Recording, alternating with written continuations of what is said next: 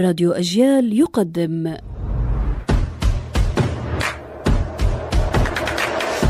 أصل الكلام عارف حجاوي الخريطة والخارطة.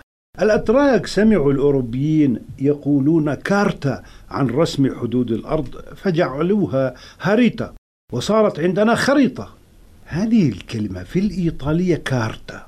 فبعض الناس عندنا أخذوها من الإيطالية مباشرة فقالوا خارطة. وهذه الكلمة في لغات أوروبا لها بنات كثيرات. chart أي سجل و card أي بطاقة من الجذر نفسه. لكن كلمة خريطة في العربية القديمة معناها الكيس الذي يضع فيه الوالي رسالته ويشرج فم الكيس. أي يخيطه يشرجه تشريجا حتى تبقى الرسالة محفوظة ولا يطلع عليها أحد. هذه خريطتنا القديمة وأما الآن فنقول خارطة أو خريطة كله صحيح.